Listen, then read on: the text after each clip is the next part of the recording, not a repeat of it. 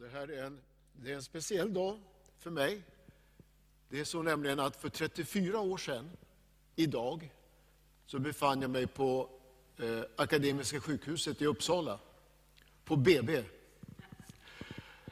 Och var med om ett av de stora upplevelserna i livet, då min son föddes. 34 år sedan, idag. Du vet, det är ju fantastiskt att vara med om detta. Eh, att se ett liv födas fram och få börja liksom andas med egna lungor och, och, och utforska en ny verklighet. Och är man med om en sån upplevelse, då vet man att det där är inget som går av sig självt. Att föda, det är ett arbete, det ska alla veta. Och att det går åt kraft att föda. Och det är därför jag har satt det här temat ikväll. Jag vill läsa två stycken bibelverser, eller tre, eh, ifrån Gamla Testamentet. Och de första två läser jag ifrån Jesaja, det 66, kapitel 66, och eh, från vers 8. Och så här profeterar Jesaja. Vem har hört något sådant? Vem har sett något liknande? Kan ett land komma till liv på en enda dag? Eller ett folk födas på en enda gång. Eftersom Sion födde sina barn redan när födslovåndan börjar. Skulle jag öppna moderlivet men inte ge kraft att föda, säger Herren. Eller skulle jag ge kraft att föda men sedan hålla fostret tillbaka, säger din Gud. Och så ska jag läsa en bibelvers till från Andra Kungaboken det 19 kapitlet och den tredje versen. Eh, nu lösrycker jag en bibelvers ifrån ett sammanhang och det är alltid lite farligt att göra det. Men jag gör det ändå. Så här står det. Så säger Hiskia, kungen. Denna dag är en nödens, eh, bestraffningens och föraktets dag. Ty fostren har kommit fram till födseln men det finns ingen kraft att föda. Ja, vi är ju samlade till bönemöte för att be tillsammans. Att bedja, det är att vara med i en livsprocess. Vet, bön har ingenting med mekaniskt eller något robotlikt att göra. Utan att vara med och bedja, det är att vara med i en, i en livsprocess där någonting föds fram, någonting levande, som vibrerar. Att bedja, det är att samverka med Gud för att se att hans planer tar form. Att vara delaktig i en process där Gud själv verkar och vi får vara en del av det.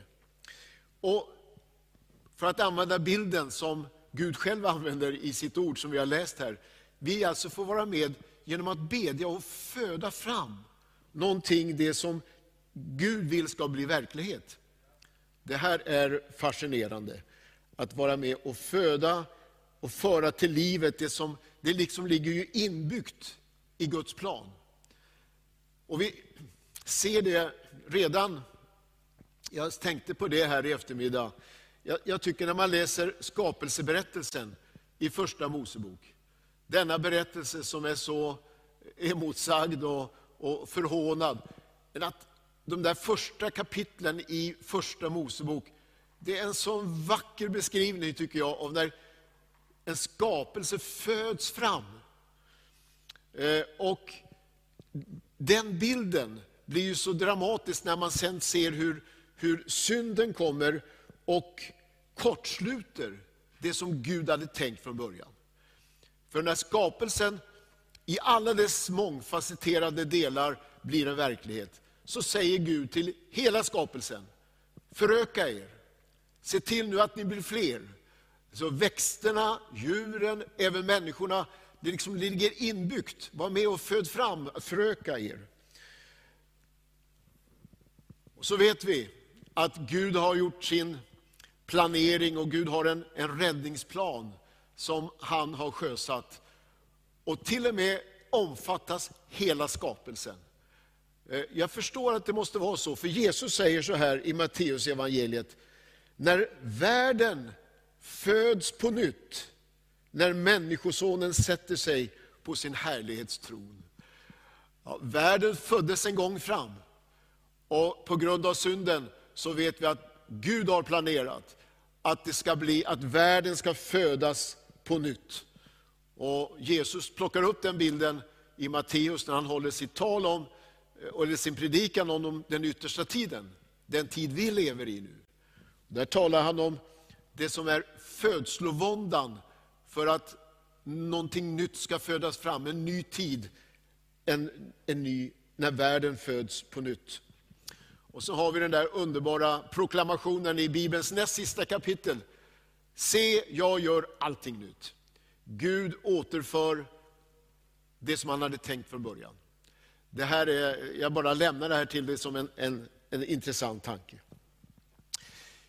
Att födas, ja, Guds verk i våra liv, det är ju faktiskt att likna vid en födsel.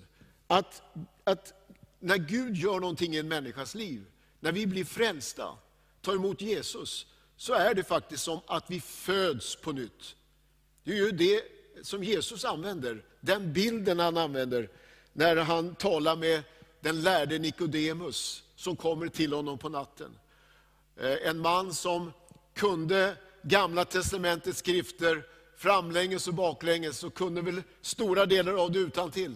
Och ändå så fanns det en längtan hos honom efter någonting annat, någonting mer. Och när Jesus börjar tala till honom så säger han, du måste födas på nytt. Och den här mannen, trots att han var så, han var ledare för folket och han var laglärd och han kunde, eh, som jag sa, de profetiska orden, så förstod han inte det här. Vad innebär det att födas på nytt? Och han började tänka rent mänskligt. Jag kan väl inte gå in i min moders liv och föda... Nej, säger Jesus, du förstår inte. Det som är fött av kött, det är kött. Men det som är fött av anden, det är anden. Du måste födas på nytt. Och det här det är så viktigt att ha med och komma ihåg och minnas. Du förstår, att bli frälst, det är något mycket mer än att byta religion. Det är något mycket mer än att bara liksom skifta ett religiöst intresse, eh, eller att på något sätt gå igenom någon sorts moralisk uppryckning, eller börja engagera sig i en församling. Nej, nej, nej. Att bli en kristen är någonting mycket, mycket mer. Det är att födas på nytt. Det är att det sker i din inre människa, en, en ny födsel. Du föds in i en ny värld, i Guds rike. Man kan, det är det enda sättet att få medborgarskap i Guds rike, det är att födas in i det riket. Man kan inte på annat sätt få asyl. Nej, du måste födas in i Guds rike. Och det som Jesus sa till Nikodemus säger han till mig och till dig och till alla människor. Du måste födas på nytt. Och då vet vi att den kraften till den födseln, den finns. Därför att det är den heliga Ande och det är Guds ord som föder oss till nytt, på nytt. Så det kan du få vara med om. Om du inte ännu är en personligt kristen, så vet du att du kan ikväll, just nu när du lyssnar, och när du är med oss i den här bönegudstjänsten, så kan du ta emot Jesus i ditt liv. Bedja en enkel bön ifrån ditt hjärta. Och så sker det här undret. Du föds på nytt, din inre värld förändras. Du får bli ett Guds barn. Alla de som tog emot honom gav han rätten att bli Guds barn. Det är ju fantastiskt. Tänk också på att när vi nu här tillsammans och beder, så är vi, vi blir alltså också genom bönen delaktiga i andra människors pånyttfödelse och, och, och, och den livsprocessen. Jag tänker på Paulus. Han säger så här vid ett tillfälle, när han talar till församlingen i Korint. Paulus var ju verkade i Korint under några månader, bara 18 månader var han i Korint, men det skedde väldigt mycket den där korta tiden. Och så säger han så här, när han skriver ett brev till församlingen i Korint, eh, några år efteråt, så skriver han, det var jag som födde er till liv genom evangeliet. Så Paulus liksom var med i den här födsloprocessen. Och det är det som är så fantastiskt. När du och jag som bedjare, som vi får göra nu, beder för människor som behöver möta Jesus, så kan vi vara med alltså i en, en process av att föda fram andligt liv. Så frågan är om du vill vara en andlig far och en andlig mor, om du vill gå in i ett andligt föräldraskap, likt Paulus, som känner ansvar så att han till och med efteråt skriver brev till dem och, och uppmuntrar och förmanar på olika sätt. När han skriver till galaterna så lyfter han fram precis samma tanke, men då lite annorlunda. Han säger, mina barn, ni är mina barn, som jag än en gång med smärta föder till Kristus har tagit gestalt i er. Så upplevde Paulus det då. Han, han kände att han var med och, och, och liksom skulle hjälpa dem in i ett nytt läge, församlingen i Galatien som hade tagit steg tillbaka och höll på att förlora det som man hade fått genom evangeliet. Så min fråga till dig som bedjare, det är om du är beredd, och jag, om vi är beredda att gå in och bli andliga fäder och mödrar. Vill vi vara med och se människor födas till liv. Och vi vill vara med i den där processen. Att, att bedja och se att någonting föds fram. Det där är ju otroligt spännande när man får vara med om det. Att få se en människa som man har varit med och, och uppmuntrat och, och kanske undervisat, men också genom bön varit med och liksom sett till att omständigheterna blev de rätta och så att människan är beredd att ta steget och ta emot Jesus och känna att jag är delaktig. Nu är jag en andlig far, du blir en andlig mor som bär ett ansvar för att sen livet ska utvecklas. Det är ju så. En bebis som kommer hem från BB behöver ju allt stöd och hjälp, eller hur? Det är ju, det är ju mat och det är omvårdnad och hjälp på allt sätt. Ganska lång tid. Ja, faktiskt på något sätt hela livet. Även om det har gått många år sedan jag var med om den där händelsen på Akademiska sjukhuset, så är jag ju ändå far och håller kontakt och har ett ansvar och, och hjälper och stöder. Jag vill säga en sak till innan jag säger amen.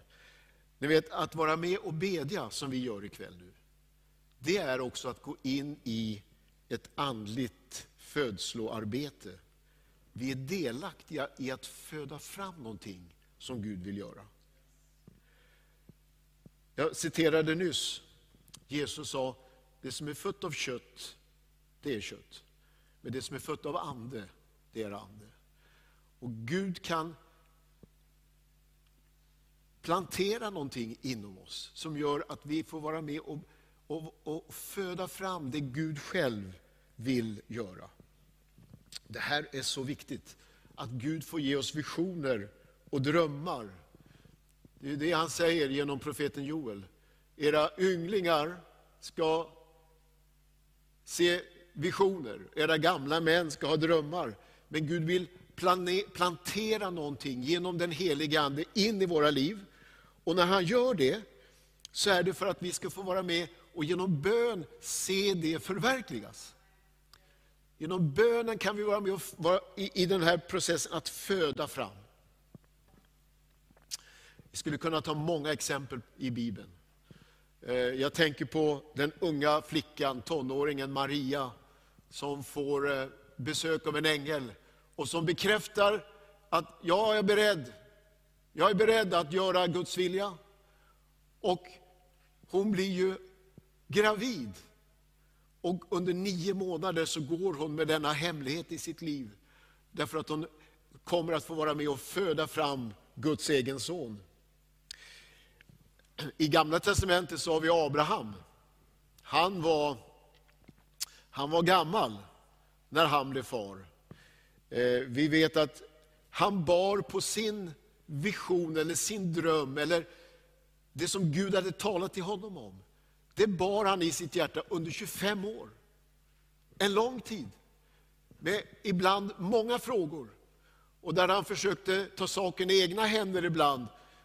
Under 25 år så hade, bar han den här vissheten om att Gud skulle infria sina löften och han skulle få bli en fader till många folk. Hur det skulle gå till, han, han förstod inte det. För han blev, liksom förutsättningarna försvann för att löftet skulle vara, bli verklighet. Men du förstår, efter 25 års havandeskap med Guds löfte i sitt liv, så får Abraham och Sara se denna son födas fram, mot alla odds. Och Abraham är med och Sara är med och ser det Gud hade talat om, det blir verklighet. Noa, han gick havande i hundra år. Gud hade talat till honom, du ska bygga en ark, det kommer att regna. Och han gick med den där inre känslan under många, många år. Man mötte människors oförstående blickar och, och suckar. Men han visste, Gud har talat till mig och jag vill vara med och en dag se det födas fram som Gud har talat om. Och vi vet ju alla att han fick göra det. Det tog väldigt lång tid, men han fick en dag vara med i den där processen. Åh, du förstår, när Gud planterar någonting i ditt liv, när Gud planterar någonting i mitt liv, eller när Gud planterar någonting i en församlingsliv. När Gud får göra det. Och nu talar vi inte om det som är kött. För det som är kött, sa Jesus, det, det är kött. Men det som är ande, du förstår, det är ande. Och när Gud planterar någonting i våra liv, och tänk att då få vara med i bön och föda fram det som Gud har sagt. Du vet när man får indikationer, när man blir havande eh, i ett par. Kvinnan blir havande och mannen är också havande, fast inte fysiskt, men man är ju med i den där processen. Det är klart, då börjar man förbereda, eller hur? I tro börjar man förbereda. Man eh, inreder en barnkammare. Man köper en barnvagn, man grejar till, man kanske köper en större bil, inte vet jag. Men man vet vad som kommer, man är med i tro och förbereder. Precis så är det också i Andens värld. När Gud har sagt någonting, så är vi med i tro och förbereder det som Gud har sagt. Och Det kan innebära mycket, men eh, det är en spännande process att i tro vara med och vara förberedd när födsloverkarna kommer. För de kommer ju, det vet ju alla kvinnor, eller hur, som har varit med och fött ett barn. Det kommer födsloverkar. Och då är det tal om, då är det tal om smärta. Då är det tal om, om nöd. Men det är en smärta som är med och, och faktiskt föder fram i den där yttersta processen, det som en dag liksom kommer fram och blir verkligt ett nytt liv. Och vi behöver kraft att kunna föda det Gud ger oss. Det Gud planterar i våra liv. Och det Gud planterar i våra församlingar. Det vill Gud ge oss kraft att föda fram. Vi längtar ju så efter en folkväckelse i Sverige, eller hur? Jag tog fram en, en liten skrift jag har i bokhyllan hemma på nytt. Jag tar fram den ganska regelbundet. Den handlar om det som skedde i Wales, i, i, borta i Storbritannien, 20, 1903 på hösten. Vi talar ju om det stora andliga genombrottet i Azusa Street 1907, borta i Los Angeles. Men redan 1903 så gjorde Gud någonting mycket märkligt i Wales. Det var en sån, Gud la ner en sån längtan hos många kristna som ledde dem in i en böneprocess. Ett, ett, någon sorts andligt havandeskap. Och de bad och de sökte Gud tillsammans. Och så plötsligt, eh, i oktober månad 1903, så bara händer det någonting. Och du vet, på två månader, november, december 1903, så är det 70 000 människor som kommer till tro i Wales. 70 000. Och går det ett par månader till så räknar man med 85 000 människor som plötsligt bara tar emot Jesus. Det, det är en sån atmosfär så att människor längtar och söker och tar emot. Där förändrar faktiskt inte bara enskilda, utan städer och samhällen. Jag läste faktiskt under tårar när det står om att krogarna fick slå igen. Teatrarna bommade igen sina... Det var inget intresse längre. Krogarna slog igen. Eh, domstolarna tog paus. Det var inga fall liksom längre att, att behandla. Och till och med berättas det om att hästarna nere i gruvan hade problem, för de förstod inte längre vad, vad, vad deras herrar sa. För de var vana vid svordomar och skrik och skrän, men så plötsligt förändrades till och med språket där nere i gruvan. Förstår du vilken förändring det kan bli i ett land där man får vara med och föda fram det som Gud har tänkt. Ja, du förstår, vi behöver kraft att kunna föda. Det som händer i våra egna liv, det som händer i en församling, det som händer i en nation. Vi behöver den kraften.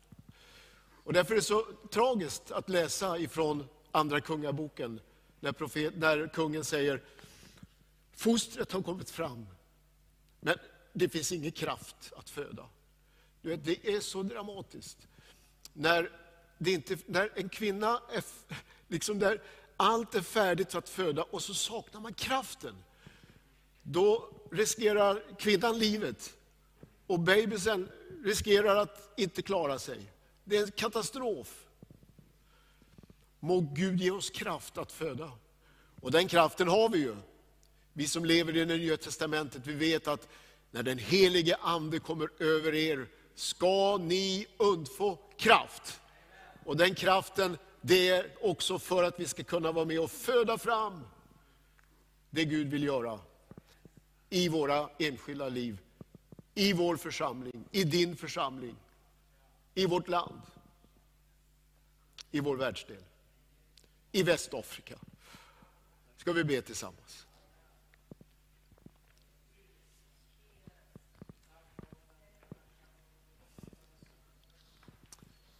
Tack Herre att du vill göra oss havande, andligt sett. Tack att du genom visioner och drömmar ge, föder en längtan, föder en, en tanke, du föder en, någonting som leder in i ett andligt havandeskap. Och så ber vi Gud om, om tro, att kunna vara med och förbereda det som du talar om. Och att du ger oss kraft, Herre, att vara med och se det förverkligas, det som du talar om. Herre, ge oss kraft. Förbjud att vi saknar kraft, utan vi ber om den helige Andes kraft, så att det du har tänkt får förverkligas. Vi ber om det i Jesu namn. Amen.